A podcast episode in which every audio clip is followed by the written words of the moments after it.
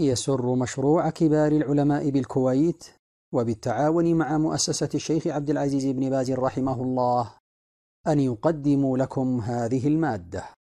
الاختيارات الفقهية في مسائل العبادات والمعاملات من فتاوى سماحة العلامة الإمام عبد العزيز بن عبد الله بن باز رحمه الله.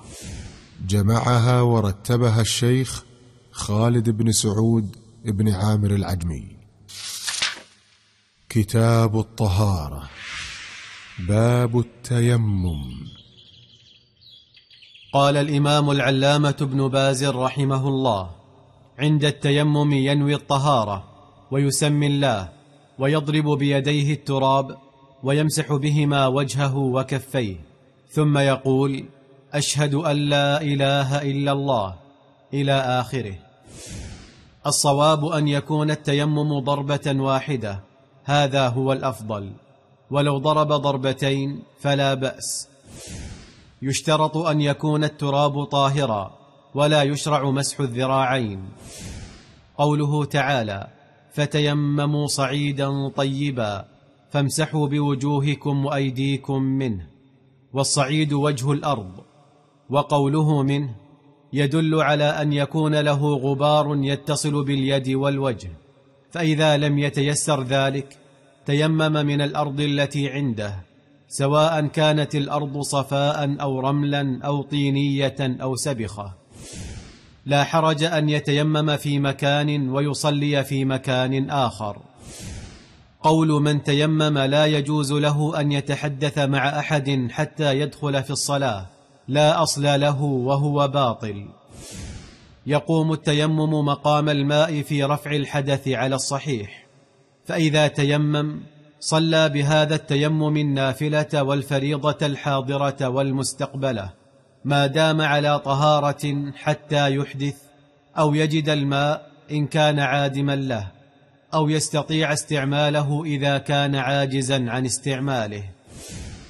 يعذر المسلم في استعمال التيمم إذا بعد عنه الماء أو لم يبق عنده منه إلا اليسير الذي يحفظه لإنقاذ حياته وأهله وبهائمه مع بعد الماء عنه.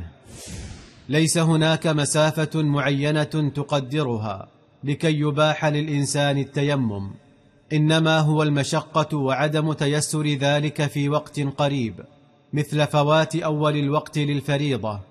فلا حرج في ذلك وإن صلاها في آخر الوقت بالماء فلا حرج أيضا. إذا كان يضره الماء أجزأه التيمم من الفرش التي فيها غبار ولكن كونه يتيمم من التراب نفسه أولى من الغبار الذي في الفرش وأكمل وأوفق للسنة. من يتيمم مع وجود الماء من أجل إدراك صلاة الجماعة فعليه الإثم وعليه الإعادة. من جاز له التيمم فعليه التماس التراب بإزالة القشرة التي على وجه الأرض إذا كان المطر خفيفا. فإن كان المطر كثيرا قد تمكن من الأرض. أجزأه التيمم على الأرض اليابسة أو على ما لديه من أمتعة فيها غبار. من صلى بالتيمم ثم وجد الماء بعد الصلاة فليس عليه إعادة. من تيمم ثم وجد الماء قبل الصلاة الواجب الرجوع للوضوء ويبطل التيمم. العاجز عن الماء والتيمم معذور وعليه أن يصلي في الوقت بغير وضوء ولا تيمم. العاجز عن استعمال الوضوء أو الغسل حكمه حكم من فقد الماء فإذا استطاع الوضوء دون الغسل فيتوضأ ويتيمم للغسل. التراب الذي في الصحن أو في الكيس لا يكون مستعملا ولو تيمم منه عدة مرات.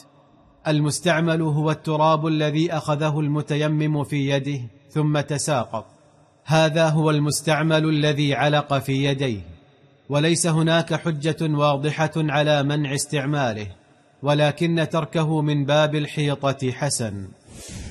الواجب على المسلم أن يعمل الطرق التي تمكنه من الوضوء الشرعي بالماء فإن عجز وكان البرد شديدا وفيه خطر عليه ولا حيلة له بتسخين الماء ولا شراء ماء ساخن ممن حوله فإنه معذور ويكفيه التيمم والعاجز عن استعمال الماء حكمه حكم من لم يجد الماء. التيمم للصلاة خوفا من خروج الوقت فيه تفصيل. إن كان غلبه النوم أو كان ناسيا فإنه يتوضأ ولو خرج الوقت وقته وقت استيقاظه ووقت انتباهه. أما إذا كان متساهلا ليس عنده نسيان ولا نوم فالواجب عليه أن يصليها في وقتها ولو بالتيمم لو ضاق الوقت وليس له التأخير. لأنه حينئذ ظالم بالتأخير معتد. من توضأ وترك موضع الجرح ودخل في الصلاة وذكر في أثنائها فإنه يتيمم ويستأنف الصلاة لأن ما مضى منها قبل التيمم غير صحيح. الطبيب المختص هو الذي يعرف هذه الأشياء فإذا قرر على المريض أنه لا يستعمل الماء أو لا يصوم فلا مانع من العمل بذلك. إذا أمكن مسح الجرح والجبيرة التي عليه عند غسل عضوه كفى ذلك عن التيمم. فإن لم يتيسر ذلك خوفا من مضرة الماء وجب التيمم مع القدرة.